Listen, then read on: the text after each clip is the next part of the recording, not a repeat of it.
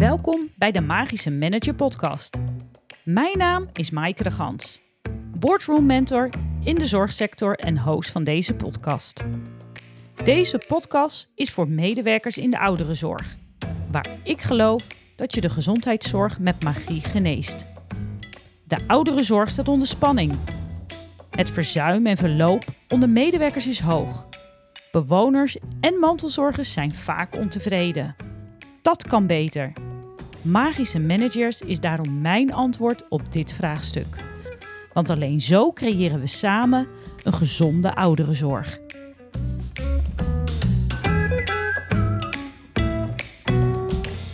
Welkom bij de allereerste aflevering van de Magische Manager Podcast.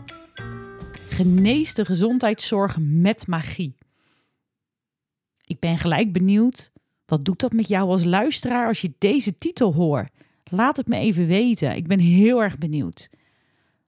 In diverse afleveringen neem ik jou mee in uh, wat is een magische manager? Hoe genees je de gezondheidszorg met magie? Met wie dan allemaal? En hoe gaan we dat allemaal doen? Nou, in deze podcast komt dat allemaal aan bod.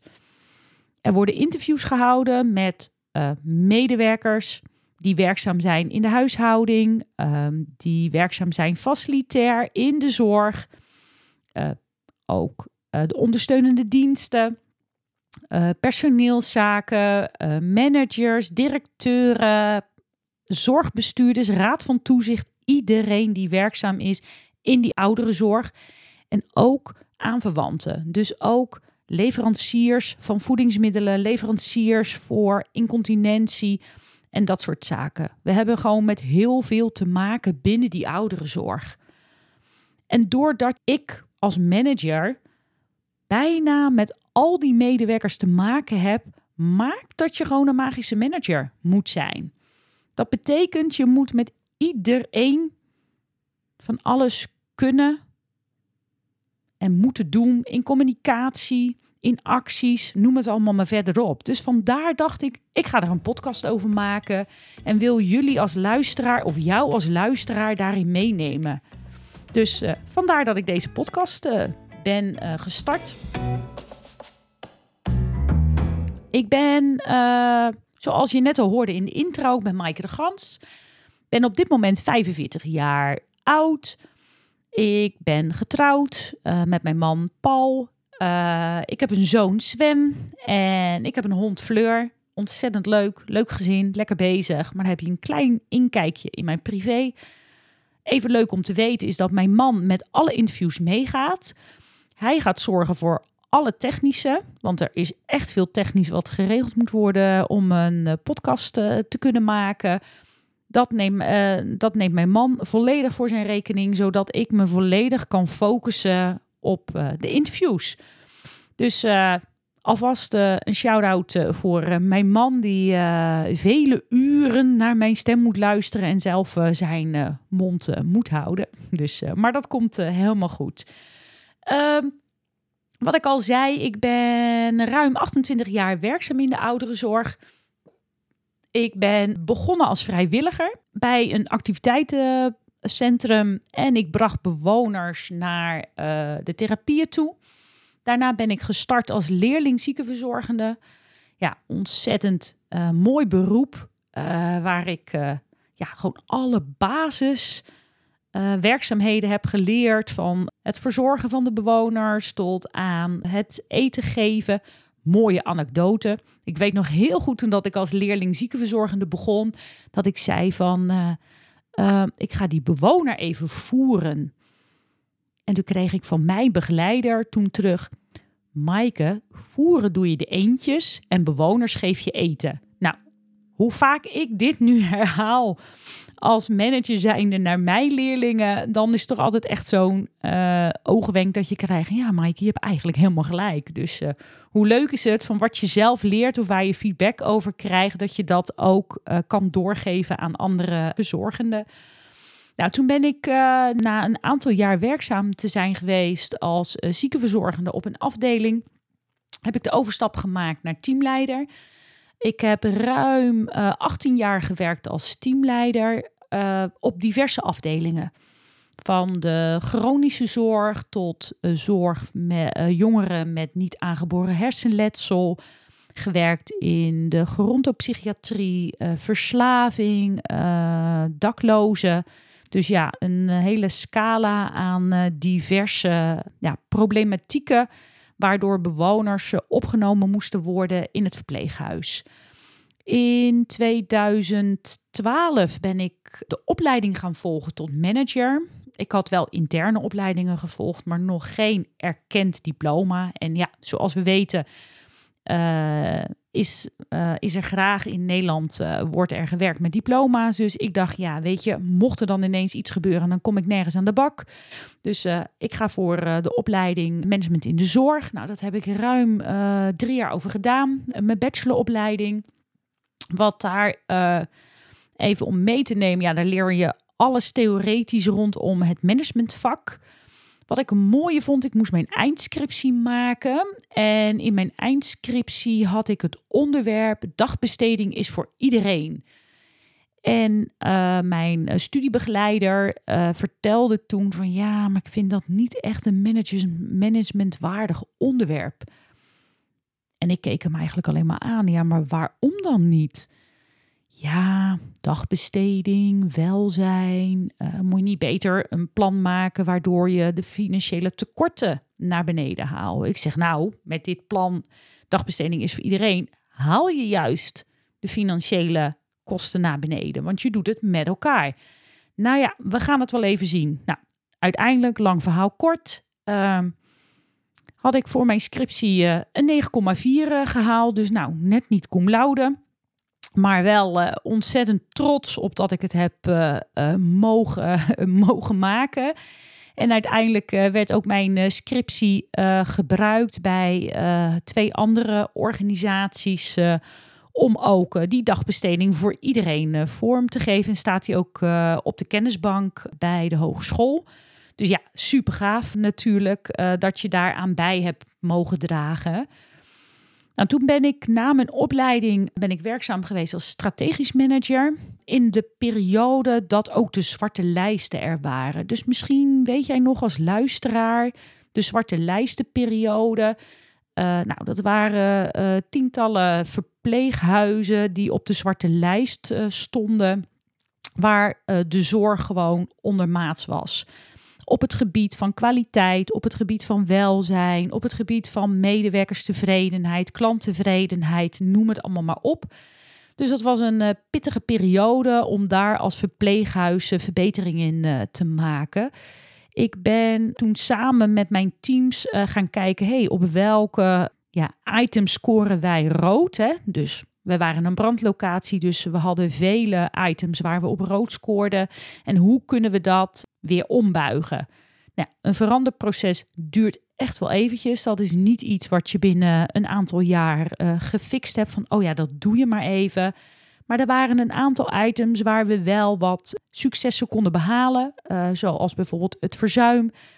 Het uh, verzuimen konden we met 6% naar beneden halen. We zaten op een uh, 13,8 en, buig, uh, en buigden het om naar een 7,2. Ook het verloop, hè, er gingen zes medewerkers per maand weg, maar er kwamen acht nieuwe medewerkers binnen. Dus al met al had je toch twee medewerkers meer. En zo kon je spreken over een jaar dat we om en nabij 18 medewerkers meer in dienst hadden als het jaar daarvoor. Het is mondjesmaat, maar zo uh, zorgden we er wel voor dat we hè, de medewerkers konden binden en boeien. Dus ja, dat was een hele fascinerende tijd in het uh, grootstedelijke organisatie. Toen ben ik na 23 jaar heb ik gewerkt bij dezelfde organisatie, maar dan wel op uh, uh, diverse locaties. Heb ik de overstap gemaakt naar een kleine zorgorganisatie waar nou gemiddeld 300 uh, medewerkers werkten. Ja, kleinschalig, korte lijnen. Daar was ik in de functie van strategisch en operationeel leidinggevende waar ik meer operationeel met de teams weer bezig was. En dat vond ik ontzettend leuk om te doen. Zeker met de kennis die ik als uh, strategisch manager had opgedaan. Want zo kon ik veel beter uitleggen naar de medewerkers waarom we iets doen. Want één ding wat er heel vaak niet gebeurt is van oké, zorgmedewerker, je moet dat en dat en dat doen. Bijvoorbeeld, we gaan naar een bezetting toe in plaats van naar zes man, naar vijf man. That's it. Maar leg uit waarom. Uh, leg uit hoe we dat gaan doen. Uh, neem ze mee van hoe kunnen we dat doen. Uh, we doen het met elkaar. Je staat met elkaar voor deze uitdaging. Hoe gaan we het doen? Ja, dat vond ik um, mooi om dat dan als strategisch manager nu ook operationeel meer te kunnen managen. Dus daar kwam steeds meer weer voor mij ja, de liefde voor het vak als manager zijnde terug. Waarbij ik volledig bezig was met alles op papier goed te krijgen. In het strategische rol naar operationeel slash strategisch weer meer bezig van maar hoe nemen we daar die medewerker in mee? En dat is gewoon heel essentieel. Hoe neem je je medewerker mee? Want zij zijn de mensen die het daadwerkelijk uitvoeren. En hoe fijn is dat dat zij ook weten waarom zij iets doen. Dus nou, lang verhaal kort. Uh, ben ik gaan nadenken, ga ik door als zorgbestuurder? Ga ik daarvoor leren? Want dan elke keer nam ik een stapje verder in uh, mijn scholingen, maar ook een stapje verder de ladder in uh, bij de zorgorganisatie. Maar ja, toen stond een academische opleiding voor me. Ik denk, oké, academisch, kan ik dat wel? Lukt me dat wel? Uh, Engels, nou, dat is niet echt mijn sterkste punt, want dat is hè, deels in het Engels volg je dat. Bestuurskunde, ik denk, ja, is dit nou echt wat ik wil? En toen ging ik nadenken en ik volgde ondertussen de opleiding tot hypnotherapeut en de opleiding tot holistisch therapeut. En toen dacht ik, ja, maar ik vind mijn vak als manager zo ontzettend fijn en zo goed. En toen ben ik daar onderzoek op gaan doen. Dat ik denk, ja, maar ik ben eigenlijk meer benieuwd, hoe kan ik dat nou meer vormgeven? Want wat ik merkte, is dat ik eigenlijk nooit echt trots over het vak manager kon zijn. En ik denk, ja, maar daar ligt wel het sleutelwoord. Want als jij als manager ehm, met alle goede bedoelingen niet weet of um, de medewerker meekrijgt om een verandering door te voeren met elkaar, waardoor de medewerker wordt gehoord, gezien en gewaardeerd, ja, daar ben jij gewoon een essentiële sleutel in. En hoe kan het zijn dat in de ene medewerkerstevredenheidsonderzoek de ene manager wordt gescoord met een 9 en een andere manager met een 4,8. Maar dan gemiddeld heb je dan net het benchmarkcijfer, waardoor er geen aandacht wordt gegeven aan die manager. Maar zo komen al die taboes, die ik regelmatig hoorde op een verjaardagsfeestje of elders waar ik was, Ehm, ja, mijn managers zijn opvreters. Managers zitten alleen maar achter hun bureau. Managers drinken alleen maar koffie. Managers doen dit, managers doen dat. En dan denk ik, ja, maar die imago wil ik helemaal niet. Dat ben ik niet.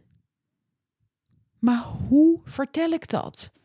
Als ik het al niet op een verjaardagsfeestje durf te zeggen om voor mijn eigen beroep op te komen.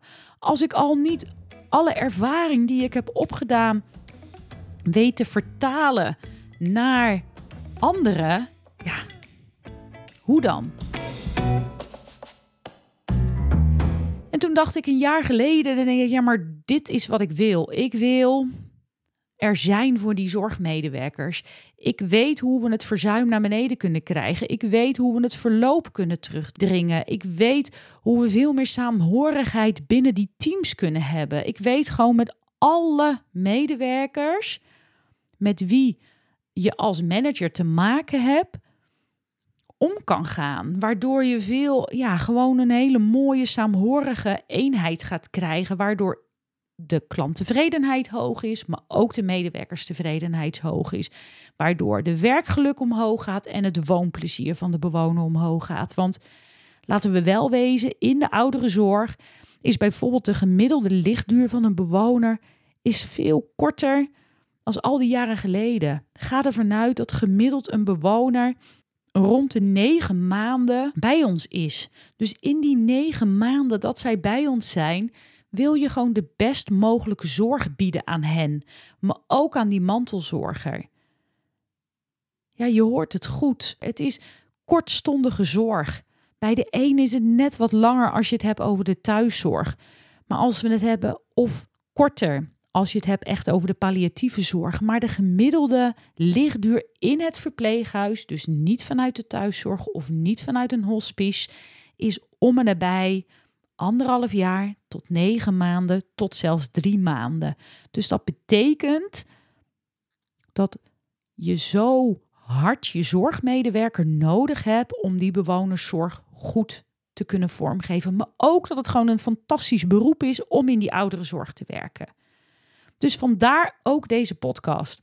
Vandaar ook al die interviews die ik ga houden om inzichtelijk te maken wat doen we nu eigenlijk? En waar staat nou iemand voor, maar ook te leren. Hoe doen ze dat bij die ene organisatie? En hoe kan ik dat dan op mijn organisatie, want jij als luisteraar als je dit hoort, hoe kan ik dit dan op bij mijn organisatie vormgeven? En ook hoe hoe vinden we allemaal weer die passie, dat vuurtje in je terug? Want iedere medewerker in de ouderenzorg heeft dat vuurtje, heeft die liefde voor de zorg. Dus wat ik ga doen, interviews houden. Ik ga uitleggen wat is nou een magische manager door middel van voorbeelden die ik je ga geven. Door middel van een holistische kijk naar de medewerkers en ook naar de bewoners waardoor je een veel meer een samenhangend geheel krijgt. Als we kijken, je hebt holistische zorg, dat is ook zorg. Je hebt medische zorg, dat is zorg. En kwaliteitszorg is ook zorg. En al die drie eenheden bij elkaar maakt gewoon de ouderenzorg. En dat is wat je als magische manager ben je daar de sleutel in om daar iedereen bij te betrekken. Waardoor de bewoner onze bewoners, die zo hard hebben gebouwd aan ons Nederland, ook hen een goede laatste periode te geven in hun leven. En dat is waarom ik deze podcast in het leven heb geroepen. Ik wil je ontzettend veel luisterplezier wensen met alle interviews die ik ga houden en die dat ik heb. En ik wil een interactie. We gaan live streaming een keer verzorgen.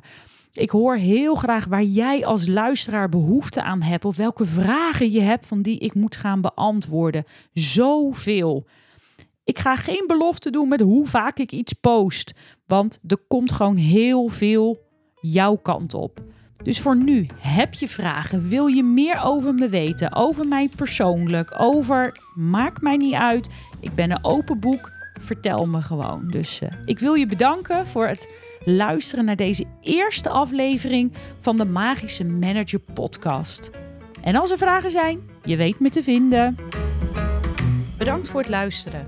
Heb je vragen, suggesties of wil je een keer te gast zijn in mijn podcast? Laat het me weten via magischemanager.gmail.com of via mijn socials, LinkedIn, Insta of Facebook.